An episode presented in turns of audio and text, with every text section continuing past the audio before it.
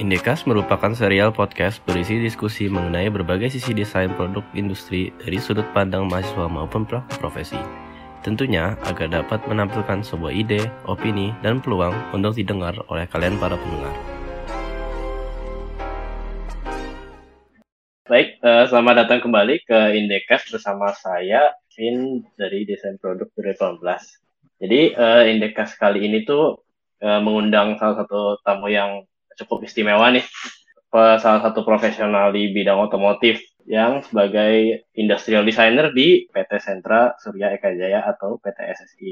Dan barusan juga nih kemarin eh, nggak uh, lama jadi uh, salah satu anggota dari tim yang menjuarai juara dua di kategori profesional dari MVDC atau Lomba Desain Produk Pertahanan dan Keamanan Nasional PT Pindad 2001. Jadi selamat datang uh, Kak Ilham Jauhara, EP 2015. Ya, halo. Oke. Ya apa panggilnya nih? Kak atau Bang atau gimana nih? Bebas lah. Lah ya, sip lah. Oke, langsung uh, masuk ke topik pertama aja ya, Kak. Mungkin dari uh, latar belakangnya. Mungkin pertanyaan pertama, kapan sih Kak uh, terjun ke dunia otomotif? Kalau terjun ke dunia otomotif, mungkin berawal berasal dari minat. Nggak langsung masuk ke dunia roda empat sih. Awalnya gue masuk ke roda dua dulu mainan motor main apa mainan custom motor. Jadi mulai belajar tentang otomotif otomotif tuh di sana. Terus habis itu tingkat tiga kan ada KP kan. Nah di situ aku KP di PT Pindad terus dapat project buat ngembangin komodo di sana. Jadi mungkin itu awal mula kenapa aku bisa ketemu ke terjun ke dunia otomotif ini sih. Itu awal mulanya gitu aja. Ya udah sih. Oh jadi emang uh, dari dulu emang demen uh, roda dua jadi misal motor lalu pas di KP emang ya. pengalaman baru ya. Ya penasaran lah sama roda empat kayak gitu juga gitu. Nah, pertanyaan selanjutnya nih kan uh, tadi ceritain soal dari roda dua ke roda empat. Nah, dari roda empat ini sebenarnya kan tadi dijelasin juga tuh uh, backgroundnya sekarang di PT Sentra Surya Eka Jaya atau SSE. Dari itu sebenarnya gimana sih Bang uh, dari roda empat itu ke, kemudian mempersempit lagi ke uh, dunia otomotif militer. Militer ya. Ini kenapa aku ke spesifik ke dunia militer tuh emang dari kecil ya sukanya hal-hal yang berbau militer sih itu dari SD kali ya udah mulai mainan model kit tau kan tuh. Nah itu loh. Hmm, itu ya. makanya kenapa apa penasaran dan tertarik masuk ke otomotif yang militer. Terus juga habis gara-gara minatku yang di sana ditambah lagi aku KP di PT Pindad jadinya makin tertarik aja ke sana dan pas dulu pas tahun 2017 tuh ada pameran namanya Lini Masa tahu nggak? Oh iya tahu nah, tahu.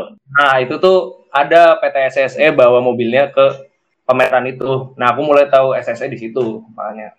Oh ternyata nggak cuma Pindad aja ya industri militer di Indonesia ini ada yang lain. Oh ya emang udah jodoh dari lama ya. ya alhamdulillah sih. iya uh, menarik banget lah sampai itu, ketemu SSI sampai tadi awal terus tiba-tiba lulusnya pun ke join SSI juga ya. Iya. Ya ya. Nah ini langsung yang masih hot kemarin nih. Nah, kemarin tuh kan habis menang tuh di MVDC 2021 sebelumnya. Wah, selamat yeah. keren banget sih desainnya. Nah, itu uh, gimana ceritanya, Mbak? Uh, Kak, sebagai profesor, gimana nemunya, gimana prosesnya oh, itu, dan... Oh, langsung proses di atau gimana sih? Oh, awal-awal aja. Awal dulu ya. Iya, mungkin dengan siapa anggotanya juga uh, rekan. Oke, oke. Jadi awalnya nih tahu info ada MVDC Pindad 2021 tuh dari Pak Yusuf Nurdin. Dia juga alumni ITB. Dia sekarang jadi general manajernya di PT SSE. Nah, hmm. tahu dari situ.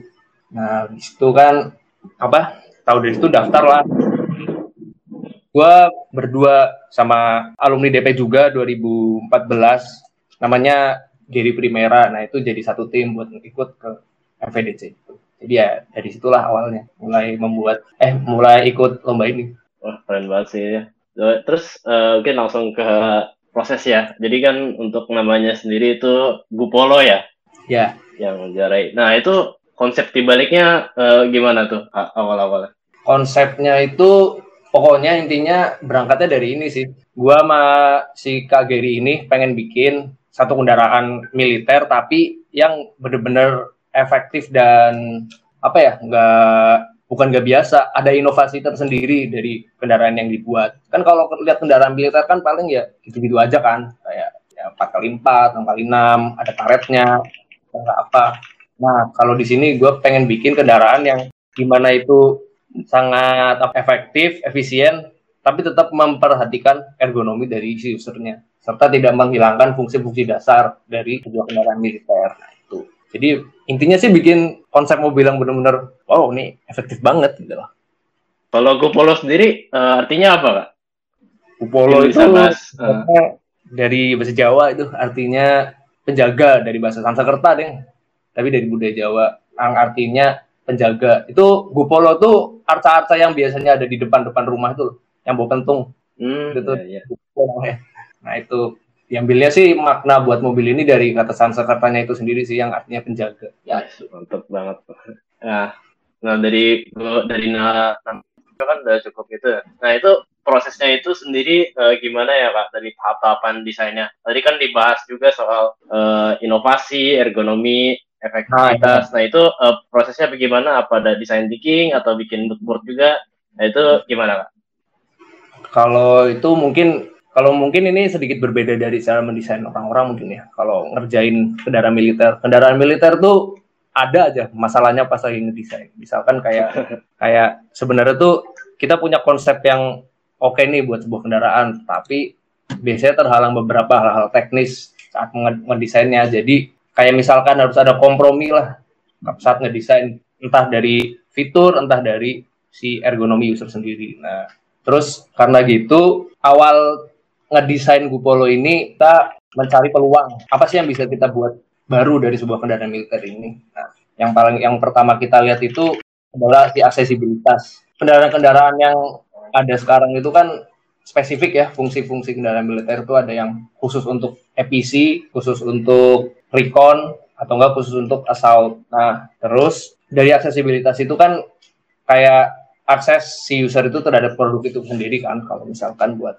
Apollo ini kan aku buatnya dari bisa mencakup beberapa peranan taktis dalam operasi militer sehingga itu menjadi kendaraan yang benar-benar efektif dan efisien aja gitu. Nah, salah satu yang dikembangkan tuh ada di aksesibilitasnya. Itu itu pertama. Terus kedua, setelah dia dapat konsep awalnya dari itu, kita bikin yang namanya mulai meracik yang namanya undercarriage. Undercarriage itu kayak kaki-kaki dari kendaraan ini. Kan si Gupolo ini electric vehicle kan. Uh, ya ya. Ini kenapa aku ngambil electric vehicle? Soalnya dia punya keuntungan yang sangat sangat jauh dari kendaraan yang konvensional pakai mesin biasa. So, yaitu keuntungannya itu adanya space yang lebih luas dan le ada kebebasan dalam merancang kendaraan ini.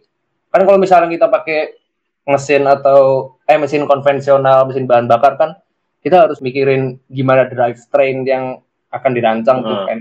Taruh mana, keluar kopel ketemu transfer case transfer case keluar jadi ke Excel dan ke Excel ban belakang nah itu kan membutuhkan banyak ruang lah. Jadi itu kalau kenapa aku pilih electric vehicle buat si Kupolo ini ya soalnya keuntungannya itu bisa pakai space yang benar-benar luas untuk masukin fungsi-fungsi yang tadi aku sebutin tiga beberapa peranan taktis yang tadi itu.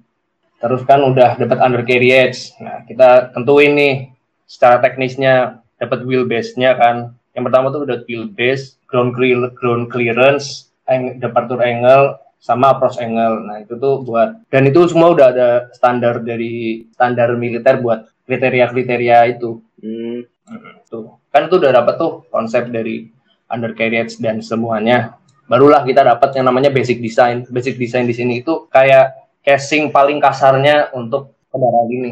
Kemudian dari situlah kita lakukan styling Eh, hmm. tapi sebelum styling itu ada juga sih penentuan layout dari passenger itu. Nah, hmm. ya aku sebenarnya belum ngupload renderan-renderan yang representatif sih, jadi Gupolo masih sedikit kurang jelas kalau misalkan nggak ada referensi gambarnya. Jadi Gupolo tuh sebelum styling nih dikelewatan. Sebelum styling nih kita tentuin dulu layout passengernya. Jadi si Gupolo ini karena kita pakai platform EV yang bener, yang bisa apa komponennya sedikit dan ruang kabin yang bisa luas, kita masukkan tujuh personil di kendaraan itu dan kita lakukan dan aku bikin layouting passengernya gimana biar akses keluar masuk user ini sangat mudah. Di situ mulai penentuan lewat passenger.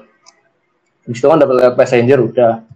Baru sih di situ dikasih styling dan penentuan ini pintu mau di mana, terus ini charging mau di mana, terus kayak armamen yang mau dipakai itu apa aja. Nah, itu baru mulai setelah melakukan layouting passenger. Udah sih. Habis itu ya udah sih. Kita bikin finalisasi detailing. Ya. Mungkin ada beda ya sama proses desain proses desain yang dila- diajarin di kuliah. Duh, sorry nih, aku rada belibet. ya nggak apa-apa mungkin tadi eh, tadi dibahas soal mau bikin visualnya mungkin nanti bisa cek sendiri ya Behance-nya dari Kak Ilham Jalhala ini Ngupload apa-apanya nih. Eh, eh, jadi bisa ditunggu lah nanti kalau yang eh, penasaran lebih lanjutnya oke Tadi, tapi, tapi intinya gitulah ya. Kalau Ya. misalkan nanti eh, bingung, tanya lagi aja. Jadi, Pak, udah cukup itulah eh, mu- simple tapi eh, nggak simple lah Ya, Nah, Ken tadi sudah bahas juga tadi soal eh, battery electric vehicle ya. Sebenarnya kan sekarang memang di dunia otomotif ini soal eh, mobil listrik sama kendaraan listrik ya yang berdasar yang eh, berbasis eh, baterai ini sekarang populer banget. Nah, ya. eh, jadi juga dibahas juga kan keuntungan dan eh, kelebihannya eh, peluang yang ada juga dari itu. Ya, Eh, sebenarnya kalau battery electric vehicles ini menurut eh, kayak kan di otomotif dan militer ini masa depannya eh, gimana kan sebagai profesional? kalau menurutku ya, hmm, sebenarnya kalau untuk di dunia militer sendiri ini, kalau misalkan kita mulai beralih ke electric vehicle itu, wah itu pasti keren banget sih. Soalnya salah satu yang dibutuhkan saat operasi militer itu adalah tilt. Jadi sunyi si kendaraan ini nggak boleh ketahuan sama musuh. Nah, kendaraan berbasis baterai electric vehicle ini kan dia minim banget suara kan, nggak kayak mau kendaraan pakai mesin konvensional. Nah itu kenapa kalau misalkan kendaraan militer pakai platform BEV itu sangat-sangat menurutku keren banget sih.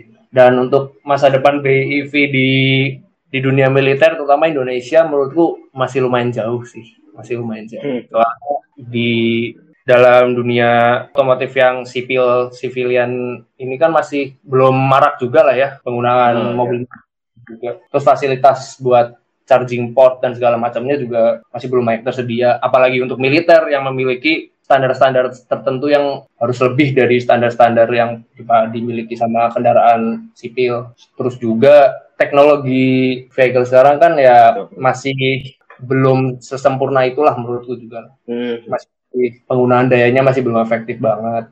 Tapi ya walaupun sekarang udah mulai nah udah mulai bagus-bagus lah udah kayak keluar kayak heavy duty vehicle yang berbasis elektrik kayak Hummer EV atau enggak apa Tesla Semi itu Hmm, iya iya. Udah Ada- banyak. udah ada heavy duty lah. Nah, mungkin pionirnya mulai dari situ. Tapi kalau untuk ke militer sendiri menurutku masih sedikit ya masih perjalanan yang panjang lah. Hmm, ya. Jadi banyak potensialnya ya, ya bahasa Potensi. enaknya ya. Kalau misalkan di diaplikasiin pasti bakal bagus banget menurutku sih. Soalnya bakalan keren, mantep, efektif banget tuh kalau di operasi militer bakal efektif banget. Itu sih. Nah, mungkin tadi juga uh, backtrack sedikit ke uh, proses. Nah, ini uh, sebenarnya mau nanya juga sih, kan tadi dibahas uh, di, agak cukup berbeda ya istilahnya dengan proses yang diajarin di DPTB soal proses perancangannya uh, uh, kendaraan yang Bupolo itu.